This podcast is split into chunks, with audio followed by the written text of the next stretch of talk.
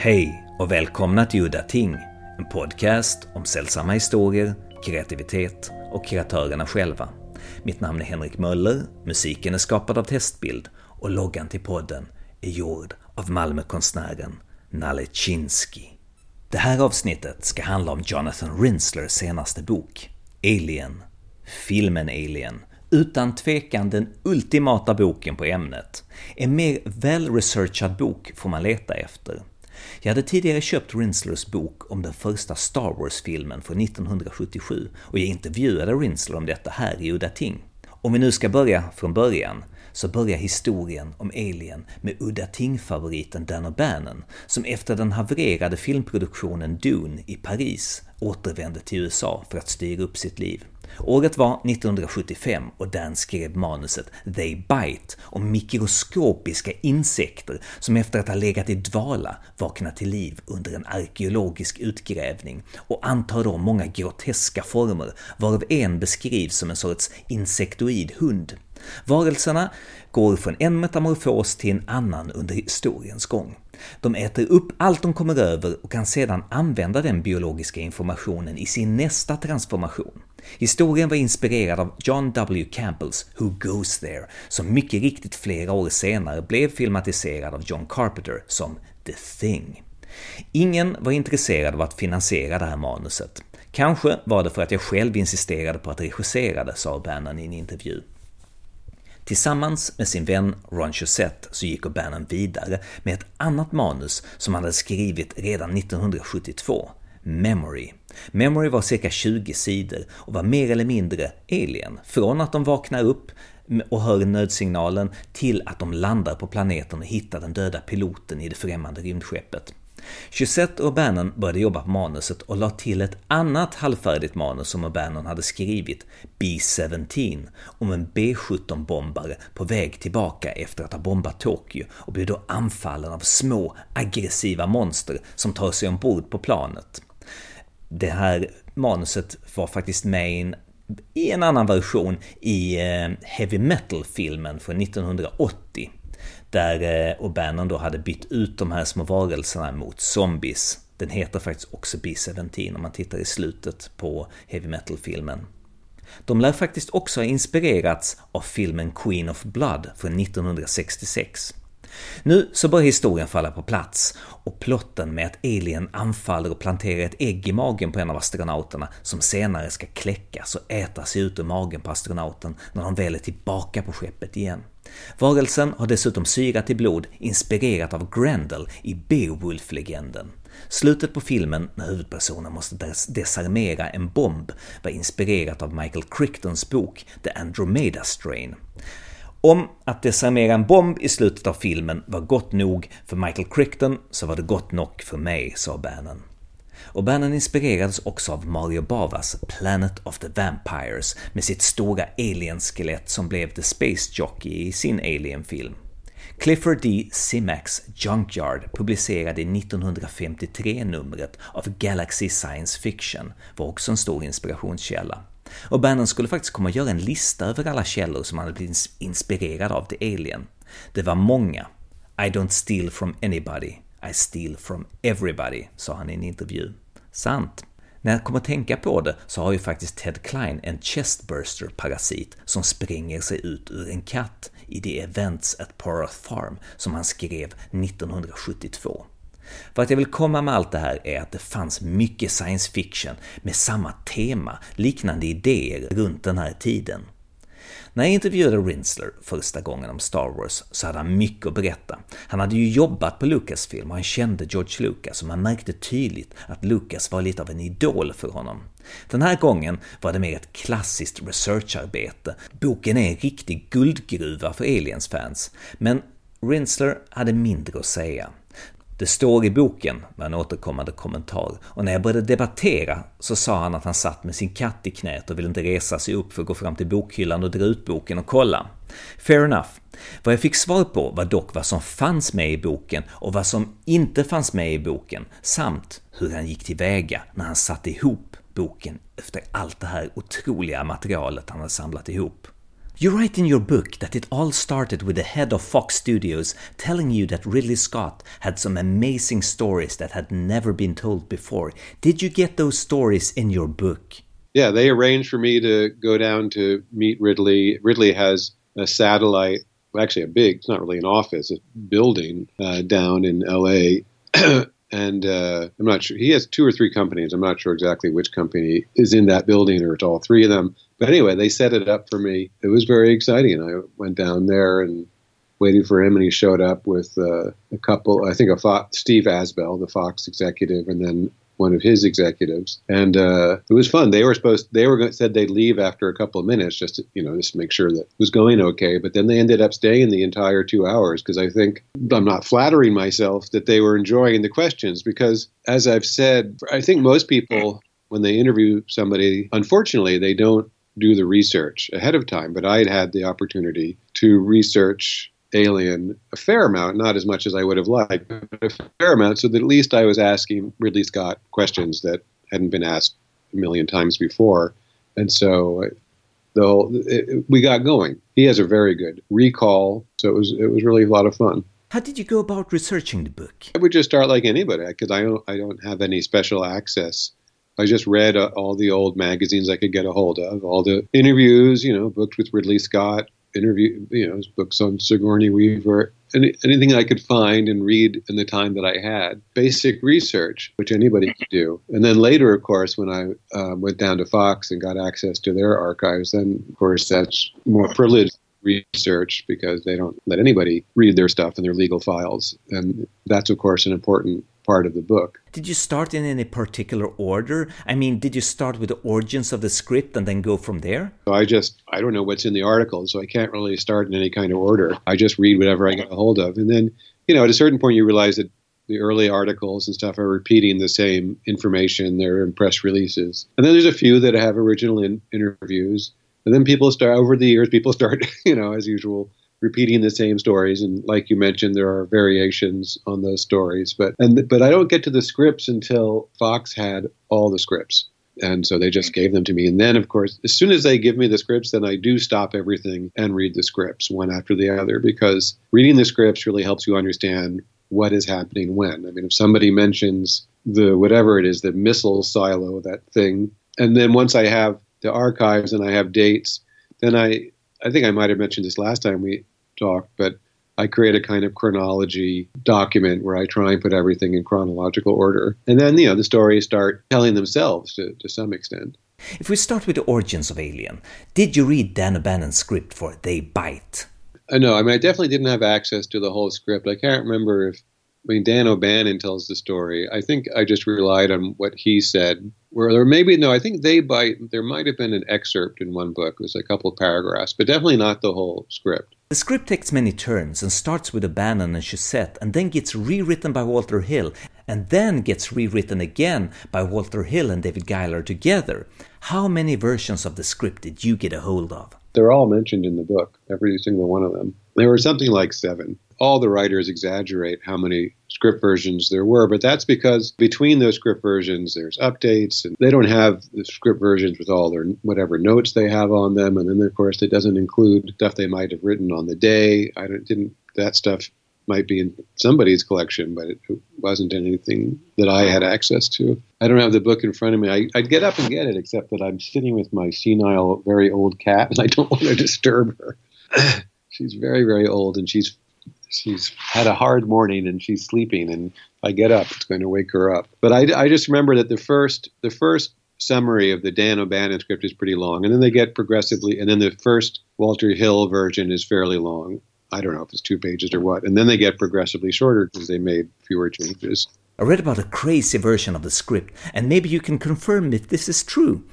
In their search of getting the script more believable, so to speak, and less pulpy sci fi, as they put it, Walter Hill and David Giler wrote a version that takes place on a military biological warfare base where DNA experiments to create the perfect killing machine gets out of hand, and there are supposedly clones of Genghis Khan and Alexander the Great fighting aliens. I don't believe that was ever in a script. I don't remember exactly. But that is something that Dan O'Bannon said. It might be something they talked about in a meeting, but as far as I can remember, it that was not in any script. But the military installation with the alien being a product of DNA experiments did exist at one point in the script. Yeah, that was that, that was definitely in the script, and the idea was that instead of it being being an alien ship, it was a military installation. You know, because at the time, and it's in the book, you know, David Giler had written the parallax view, and it's this mid '70s, and everybody was feeling very paranoid about the government, much as today, and uh, and so they thought it'd be more interesting to have a the alien monster be a result of army experiments instead of an alien ship. I think Ridley Scott wanted it to be an alien ship, and so did Dan O'Bannon. Neither David Giler or Walter Hill were sci-fi nerds, and so they were just thinking, how are we going to make this work as a movie? Which is, you know, those those guys were and are pros at making a story work for the movies. In fact, I just watched The Driver, the Walt movie that, that he decided to do instead of Alien. Have you ever seen that? Yes, I have. It's a great film. It's a it's a very good movie, and so you know he's he had a more eclectic uh, interest and didn't really want to do sci-fi, and uh, so the combination I think was very good. Dan O'Bannon came with these sci-fi ideas that he got from other sources, and and uh, they came with their professionalism and their ability to tell stories well and do characters. And then, of course, Ridley Scott is the one who we really should be talking about the most because he's the one who made it all come together, and his contribution is huge. I mean, he took it and he took, and Roger Christian and, and Les Dilley and uh, Giger and those guys that came together at an artistic level and design. And then, of course, Sigourney Weaver, Unknown. So many things just came together for this one movie that it's one of those great things that you know happens every so often you know because most movies stink occasionally you get good ones and occasionally even rarer you get the really good ones i mean remember there was a lot of antagonism throughout between dan bannon and david giler and walter hill it was you know like mo- like most film productions maybe a little bit more so than most you know most people of course are getting along but some of the principals involved were you know didn't get along that well. O'Bannon has always been very bitter about the contributions to the script made by Hill and Giler and has called them minor changes in the dialogue. I, I, they did more than minor adjustments. I mean, almost all the dialogue. I mean, some dialogue was ad lib too. Walter Hill and David Giler are the ones who made it into a a, a shootable script. The uh, Dan, Dan O'Bannon script was definitely in the tradition of Roger Corman films, which is which is what he intended uh, intended in the beginning. So it was just interesting series of events that ended up with it being a big budget film at Fox, and one of which, as I hope that I showed, was you know the advent of Star Wars. That changed a lot of changed everybody's thinking. Because O'Bannon was so bitter about the whole thing, he doesn't want to give people credit for their ideas. He seems a bit unreliable in the conflict between who invented what. For example, the chestburster alien. Shusett said in the Charles Lauzirika documentary that it was his idea. Yeah, and Chris Foss, the concept artist, remembers that it was Dan O'Bannon's idea. And also, Dan O'Bannon says that he was inspired by this comic book that he'd read. The evidence seems to point to it being probably Dan O'Bannon's idea, but who knows? Maybe who knows what actually happened. One of the great things in your book is that you have script pages and plot summary for every version of the script in there. What is your takeaway from all of the versions of the script? Uh, I actually had to fight to keep those summaries. The publisher wanted to cut them down. I, I think the summaries are fairly representative. I mean, Walter Hill and David Giler were at least more experienced screenwriters than Dan and Ron Shusett. And Dan O'Bannon was the one who actually typed it up and wrote it. But uh, I, I, think it would have just been simpler if the three of them had, had shared screenwriting credit. I think, you know, I, am not the WGA either. I don't know how they, they went through arbitration and everything. And because they were also producers, you know, Walter Hill, it made it their the bar m- much higher. You know, I think they probably just sort of it would have been nicer if they had just shared screen credit among three of them. And I, I don't know why they decided to drop Dan O'Bannon, but they did. He was on 90% of the script versions, and then and then they dropped him, and then it led to arbitration and everything. And you know, you know the whole story. So personally, I think they should, you know, all three names should be on the script.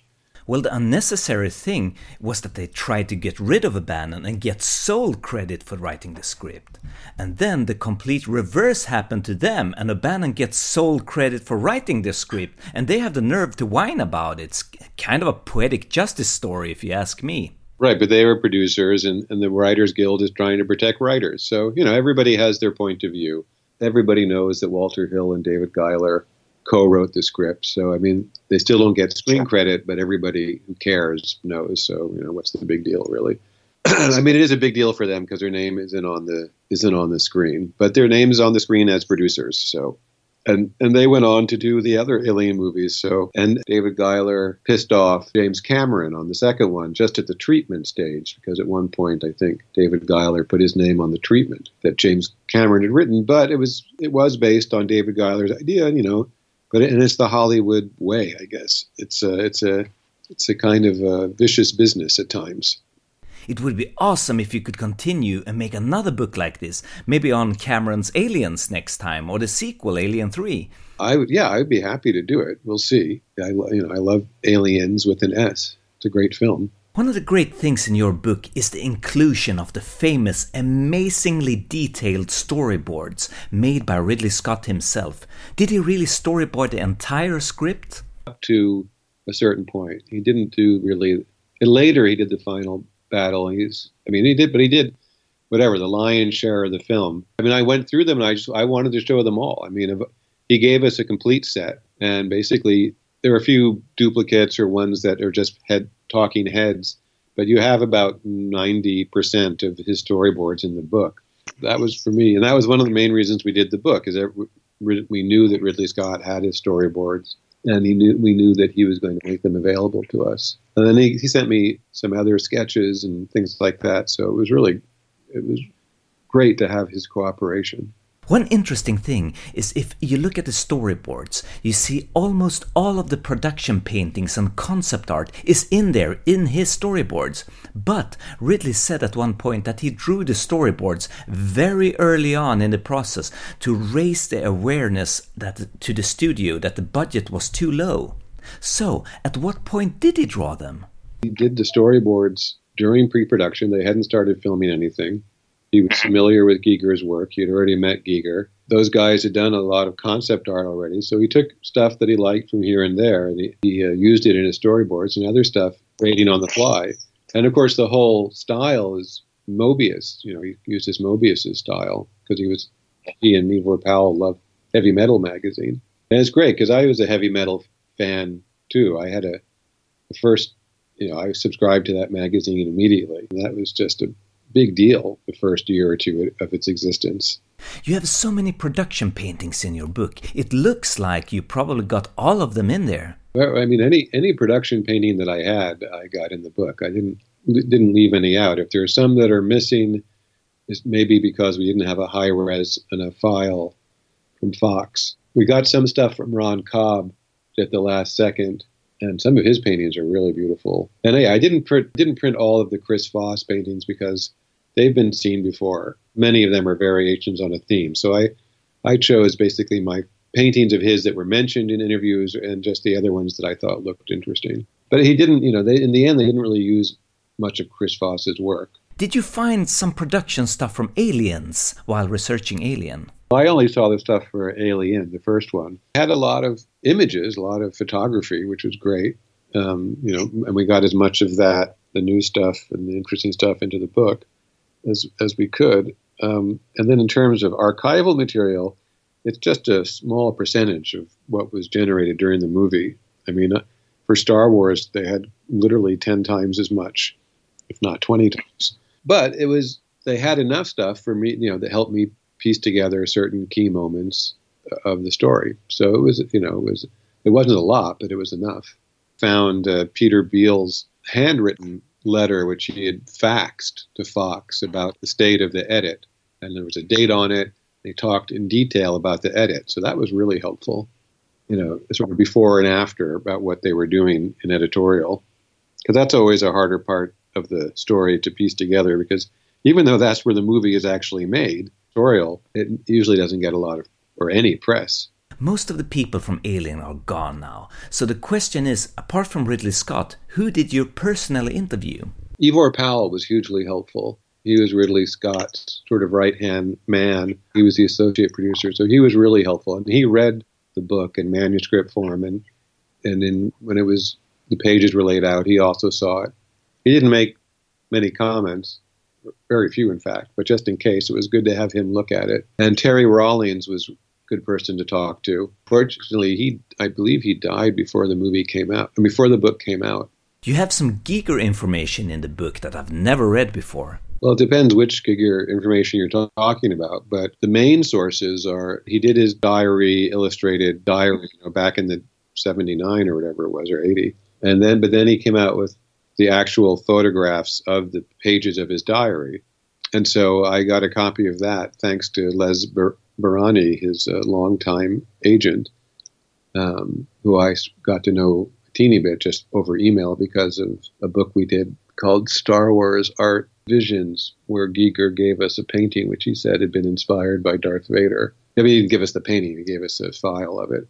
So I was able to reach out to him. And so I mean, Giger was very frank. He was is great and hilarious. And you know taking various drugs at certain times and and doing his thing and you know, scaring the hell out of some people and making friends with others. You know, i mean obviously he'd passed on and i didn't meet him when we worked on that other book either. The only person i met in the flesh for, that was related to this book was i think ridley scott did you remember anything interesting that Ridley Scott told you in the interviews? Well, there was stuff he said off the record, which I can't repeat. That's what comes to my mind, first of all, offhand. well, he was very complimentary of Roger Christian and Les Dilley's work. He really felt that they contributed a, a lot creating that used universe. I can't remember. I think it might have been his interview with me that he said he was holding Sigourney Weaver's hand when they went to lunch when they first met the Chinese restaurant, and he was thinking, "This is the woman. This is this is she's the right person." And I think he also told me about um, the ending where you know he wanted the alien to bite off Ripley's head right at the end, and, this, and the executives they thought you can't kill her off. We need her for the sequel. They were very well. They weren't upset, but they were like, "No, no way are you doing that." That's why it does sometimes it's good to have a strong producer. According to your book, the reason the green lighting of the Alien project was postponed and moved forward for so long was that Alan Ladd, the head of 20th Century Fox, wanted to see if Star Wars was successful before he moved forward with another science fiction film. I mean that this is what a this was more detective work. It, if you look at the dates, and mm-hmm. Alan Ladd is the head of both. It's not a, it's not a very far fetched theory here he is with a big budget sci-fi movie and another one waiting in the wings. So he wants to wait and see how Star Wars does. And they signed the green light for Aliens was a few months after Star Wars, you know, broke all the records. So it doesn't seem like a coincidence. It can't be a coincidence. There was also an interesting controversy that I never heard of before that when the film came out and was being labeled as a hit and making all this money, nobody got paid, including Hill and Giler, and they were the producers on the film. There was some sort of controversy, and there was a my information for that came from a single. It was a, there was a long sort of expose piece in the Los Angeles paper, which Tom Pollock had, I think, something to do with. Tom Pollock was a very powerful attorney who also represented George Lucas, and later went on to run a studio. So he was a pretty key, you know, powerful figure in Hollywood, and uh, I think they were pissed off because they weren't getting their their percentage, you know, whatever it was and maybe they were jumping the gun, but maybe they, you know, they didn't think they were.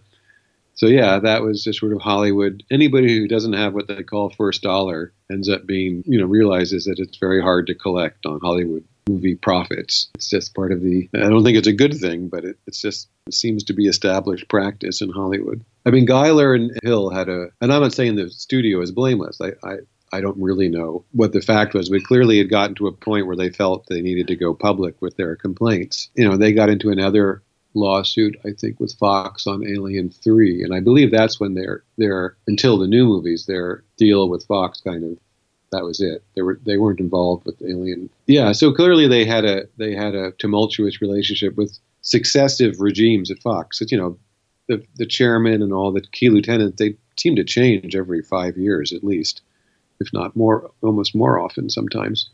So uh, I think that's just was just fighting as usual. And um, my interest in cinema is also more eclectic. You know, I'm not really a sci-fi nerd. Uh, although when I was a kid, I read Isaac Asimov and Dune and all that. But I, but as a an adult, I have a more eclectic taste, and um, so I'm so most of these books, if not all, I've never approached, I've never had a kind of fan obsession with any of these movies that I've written about, including Star Wars. So when I I, mean, I, I love Star Wars and I loved Alien, but I never, I read behind the scenes books on Jaws and Blade Runner and things like that, but I never had a subscription to Fangoria or, uh, you know, other fan magazines. And I've read interviews, you know, I've read a lot of books on cinema, but they're more interviews with the directors and they don't really go into a lot of detail. And so when you go into the actual nuts and bolts of a film, it's all, you know, almost all new to me. So, so many things were interesting. You know, the fact that Sigourney Weaver was cast at the last second and all of her screen test and everything. And I mean, I did know about the art direction because I helped Roger Christian on his book, Cinema Alchemist, which everybody should buy if they haven't read that book. Cinema Alchemist is a really good book. I did know that part, but I didn't know about the storyboards that Ridley Scott did. I didn't know about Peter Beale's involvement. And interviewing Peter Beale, the Fox executive, was very interesting because he really had an insider's point of view and a and sort of the more Fox point of view. He was, you know, helping in a big way. It was it was Ridley Scott's first studio movie, and Peter Beale actually helped to a certain extent on, with George Lucas on his first studio movie, you know, Star Wars. So it's all it was all fascinating to me, and I love just putting it together and hopefully is an entertaining story for people to read. That that to me is just the fun of it, and it's all it's all discovery. Och med de orden så säger vi hejdå för den här gången. Mitt namn är Henrik Möller Musiken är skapad av Testbild. Hej då!